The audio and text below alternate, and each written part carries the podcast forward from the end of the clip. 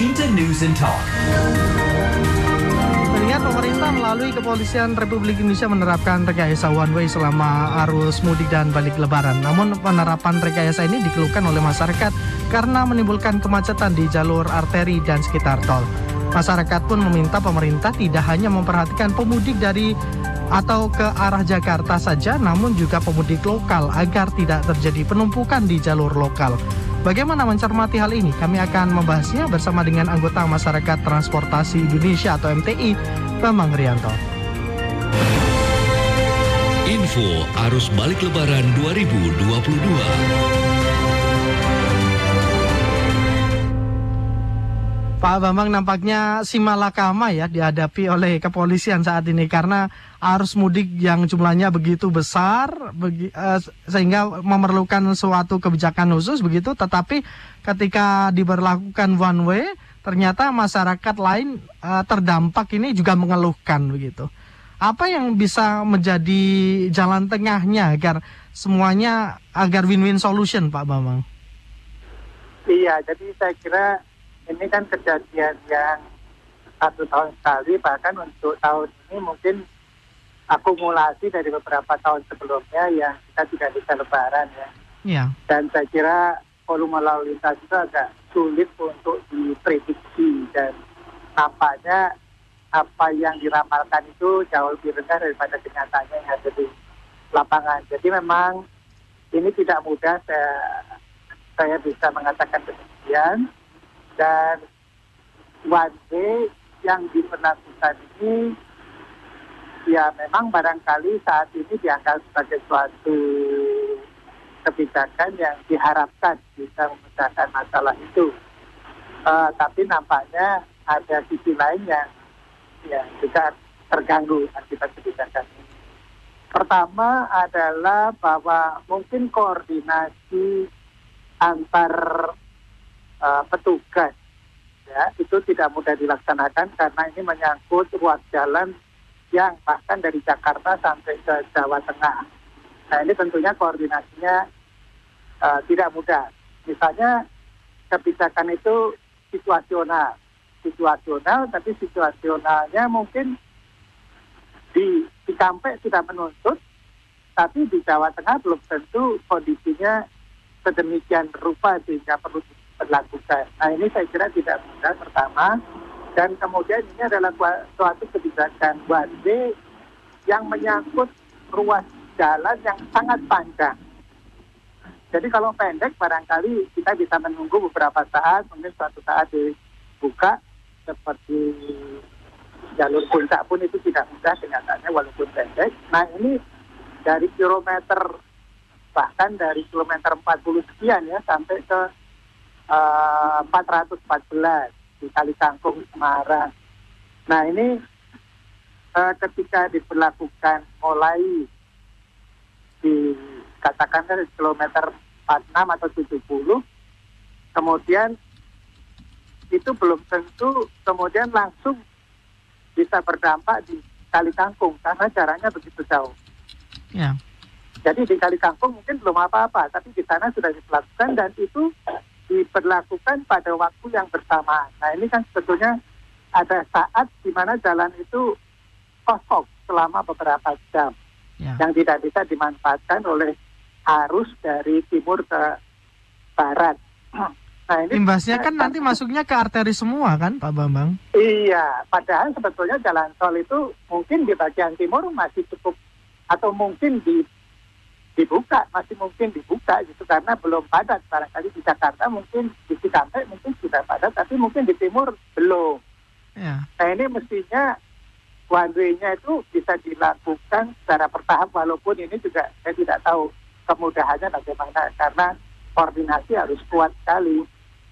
Nah, eh, saya pikir sebetulnya mungkin ya, mungkin ya, dan saya kira nanti eh, pemerintah atau Korlantas atau Kementerian Perhubungan itu sudah akan melakukan evaluasi apa kekurangan dari kebijakan yang selama ini diperlakukan dan mungkin ada koreksi-koreksi di tahun yang akan datang.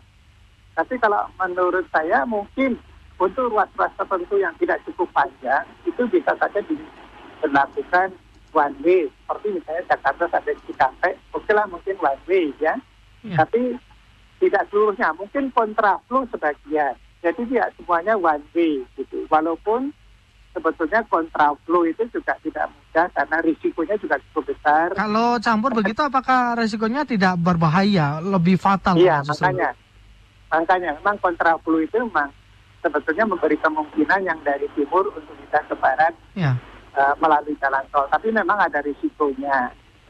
Ya ada risikonya. Nah ini eh, tentunya membutuhkan katakanlah perangkat ya, pengaman apakah kita akan mengamankan ruas sepanjang jalan itu saya kira juga membutuhkan biaya yang tidak sedikit yang digunakan hanya sekali tahun misalnya. Nah ini eh, terus terang saya, eh, saya bisa mengatakan bahwa ya ini harus ada evaluasi yang menyeluruh dan barangkali eh, koordinasi lebih bisa dilakukan secara lebih real ya. Jadi apa keputusan di ruas sampai misalnya eh, belum tentu itu kemudian juga bisa diadopsi atau diterapkan di sebelah timur. Mungkin mereka punya masalah yang yang berbeda. Nah ini saya kira ketika koordinasi dilakukan dengan baik dari barat sampai ke timur antara petugas atau barangkali ada sistem monitoring yang bisa memantau semua eh, ruas sehingga keputusannya itu tidak begitu diterapkan maka itu akan berlaku dari barat sampai ke timur. Mungkin ada bagian-bagian tertentu yang tidak perlu atau belum diperlukan untuk diberlakukan. Ya, ada hal yang menarik kemarin juga sempat uh, menjadi sorotan ketika Polda Jawa Tengah uh, mengambil diskresi untuk menerapkan one way di tol dalam kota uh, atau one way lokal ya dari Bawen menuju ke Kali Kangkung sendiri. Bagaimana kalau menyoroti hal ini karena dampaknya juga uh, di arus lalu lintas di arteri Bawen itu sangat padat sekali itu, Pak. Iya, ya eh, bagaimana ya? Mungkin eh, memang agak agak tidak mudah atau sulit diperlakukan untuk ruas jalan yang cukup panjang karena mungkin situasinya juga akan berbeda. Eh, itu kan pengambilan keputusan itu menyikapi secara umum ya bahwa eh, dari timur ke barat sudah mulai naik keputusan one way, tapi mereka tidak melihat uh, barangkali atau tidak bisa melihat barangkali secara ruas per ruas mana yang perlu di uh, mana yang perlu Hmm. dibuat one way, mana yang tidak, atau barangkali mana yang bisa uh, kontraflow, mana yang harus one way. Jadi memang pengamatan di lapangan itu harus secara menyeluruh dan barangkali pengambil pengambilan keputusan itu tidak tidak secara umum diterapkan bersamaan. Mungkin ada perbagian-perbagian yang bisa dilakukan. Tapi ini memang perlu koordinasi yang cukup baik. Ya. Sebenarnya kalau one way begitu kan eh, kemudian harusnya akan melimpah di arteri sehingga sebenarnya yang dibutuhkan adalah ventilasi atau jalur alternatif untuk bisa memecah arus begitu kan Pak. Bagaimana mengenai eh, jalur-jalur alternatif itu? Apakah memang sudah banyak disediakan oleh kepolisian sehingga bisa memecah arus juga Pak? Ya jalan alternatif itu sebenarnya kalau untuk mudik ini kan hanya hanya jalan arteri ya, Ya. jalan arteri. Yang saya juga lihat, walaupun saya hanya mungkin melihat dari uh, video maupun foto, itu Ya. ketika one way diterapkan, itu uh, ruas A dan ruas B itu tidak sepenuhnya sama penuhnya. Ya. Ruas A itu penuh, tapi ruas B tidak bisa penuh yang yang Ya. seharusnya gitu. Hmm. Nah ini saya kira juga eh, perlu diinformasikan kepada pengguna jalan tol itu di mana ada pintu-pintu yang dia bisa berpindah dari jalur A ke jalur B misalnya atau sebaliknya. Nah ini kalau kalau terlalu panjang dan tidak disediakan, mereka tidak tahu kapan saya bisa memanfaatkan jalur sebelahnya yang sebetulnya sudah disiapkan untuk one way. Nah ini kan sebetulnya juga suatu suatu hal yang perlu mungkin diperhatikan untuk uh, di masa yang akan datang. Jadi mungkin ada informasi yang disampaikan atau mungkin uh, lubang untuk berpindah itu bisa disediakan untuk berapa kilometer uh, per kilometer per berapa kilometer itu disediakan lubang untuk berpindah ke jalur sebelahnya jika one way diperlakukan. Hmm, ya karena nampaknya dari pendengar uh, El Sinta ini juga sempat melaporkan bahwa uh, ketika dia lakukan one way begitu malah justru kebanyakan dari para pemudik favoritnya melintas di tol sehingga ketika itu arteri yang menuju ke Jakarta malah justru tidak terlalu padat. Yang padat itu adalah kalau arus balik berarti yang padat adalah dari uh, katakanlah Bu Alfi tadi yang sempat buat nelfon dari Pekalongan ke Ngawi itu malah justru sangat padat yang menuju ke arah timur. Tetapi yang menuju ke arah barat malah justru lengang, Pak. Ini kan berarti tidak seimbang antara arteri dan juga di tol kan? Iya. Iya. Nah itu oleh karena itu saya kira uh, apa namanya uh, informasi itu harus selalu mengalir dan disampaikan kepada petugas di masing-masing pintu tol dan ya. itu pemberlakuannya mungkin tidak juga bisa diseragamkan. Mungkin kalau mereka melihat ini bisa dilepas keluar, mereka lepas keluar. Kalau ini bisa dimasukkan ke dalam, mereka masukkan ke dalam. Nah itu saya kira perlu pengamatan yang yang memang kalau bertugas di salah satu pintu dia tidak akan bisa mengetahui atau melihat situasi di pintu yang lain seperti apa sehingga dia tidak bisa tidak berani katakanlah untuk mengambil suatu sikap atau keputusan yang barangkali suatu saat bisa mengganggu justru nah ini yang yang ketika ada uh, apa namanya pusat uh, monitor yang bisa memonitor secara keseluruhan dan mereka kemudian bisa mengatakan oh di pintu ini bisa dimasukkan, oh di pintu ini bisa dibuka, oh di pintu ini ditutup dan sebagainya mungkin akan akan lebih efektif ya. Nah saya ya. juga kemarin misalnya uh, melihat ada kebijakan untuk one way dari barat ke timur dan itu berlaku sampai kali kangkung dan itu dimulai jam 8 pagi. Yeah. Efektifnya jam 10 karena ada waktu untuk normalisasi. Tapi yeah. kenyataannya itu jalan itu tetap ditutup. Ya.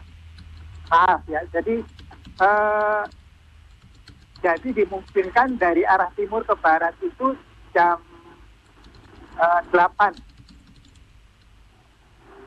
ya jam 8 ya. dan efektif jam 10 karena menunggu normalisasi. Hmm. Tapi kemudian saya melalui Pantura sampai ke Pemalang itu lebih dari jam 10 bahkan sampai jam 12 itu sampai Pemalang pun belum dibuka yang ke hmm. arah barat. Nah ini kan hmm. menunjukkan bahwa memang memang tidak bisa diberlakukan kaku atau seragam dari barat sampai ke timur. Mungkin di bagian-bagian tertentu memang bisa dibuka, di bagian tertentu bisa ditutup, atau kemudian sebaliknya. Hmm, baik. Kemudian terakhir Pak, apa yang menjadi saran atau rekomendasi ini agar nanti uh, evaluasi mudik ini bisa menjadi perbaikan untuk mudik di tahun berikutnya agar nanti di tol dan juga pantura ini bisa uh, arusnya seimbang agar tidak terjadi kemacetan Pak Bambang. Ya, pertama tentu harapannya bahwa tahun ini mungkin uh, uh, pengecualian ya, barangkali tahun depan sudah tidak seperti tahun ini atau mungkin lebih rendah. Tapi menurut saya informasi uh, yang di lapangan antara petugas di satu pintu dengan petugas di pintu yang lain itu harusnya uh, dilihat secara menyeluruh. Jadi kalau menurut saya agak tidak efektif kalau itu misalnya katakanlah one way dari Cikampek sampai sekali kampung itu diperlakukan mulai jam sekian sampai jam sekian. Jam sekian di Cikampek belum tentu hal itu terjadi di uh, dekat Semarang atau di bagian timur. Kan begitu, Mas? Yeah. Nah, jadi saya kira uh, untuk meningkatkan efisiensi ya, saya kira itu diperlukan informasi yang menyeluruh dan pengambilan kebijakan itu tidak dalam waktu yang seragam dari barat sampai ke timur, tapi secara bertahap atau secara uh, periodik dievaluasi dan Ya, tiga. Jadi ya, ya seperti Baik. itu kira-kira. Terima kasih banyak Pak Bambang atas waktunya bersama dengan Alsinta pada siang hari ini. Sehat selalu. Ya, ya semoga semoga jadi sesuatu yang bermanfaat. Terima kasih. Maaf kalau ada sesuatu yang kurang. Demikian mendengar anggota MTI Bambang Rianto. Elshinta News and Talk.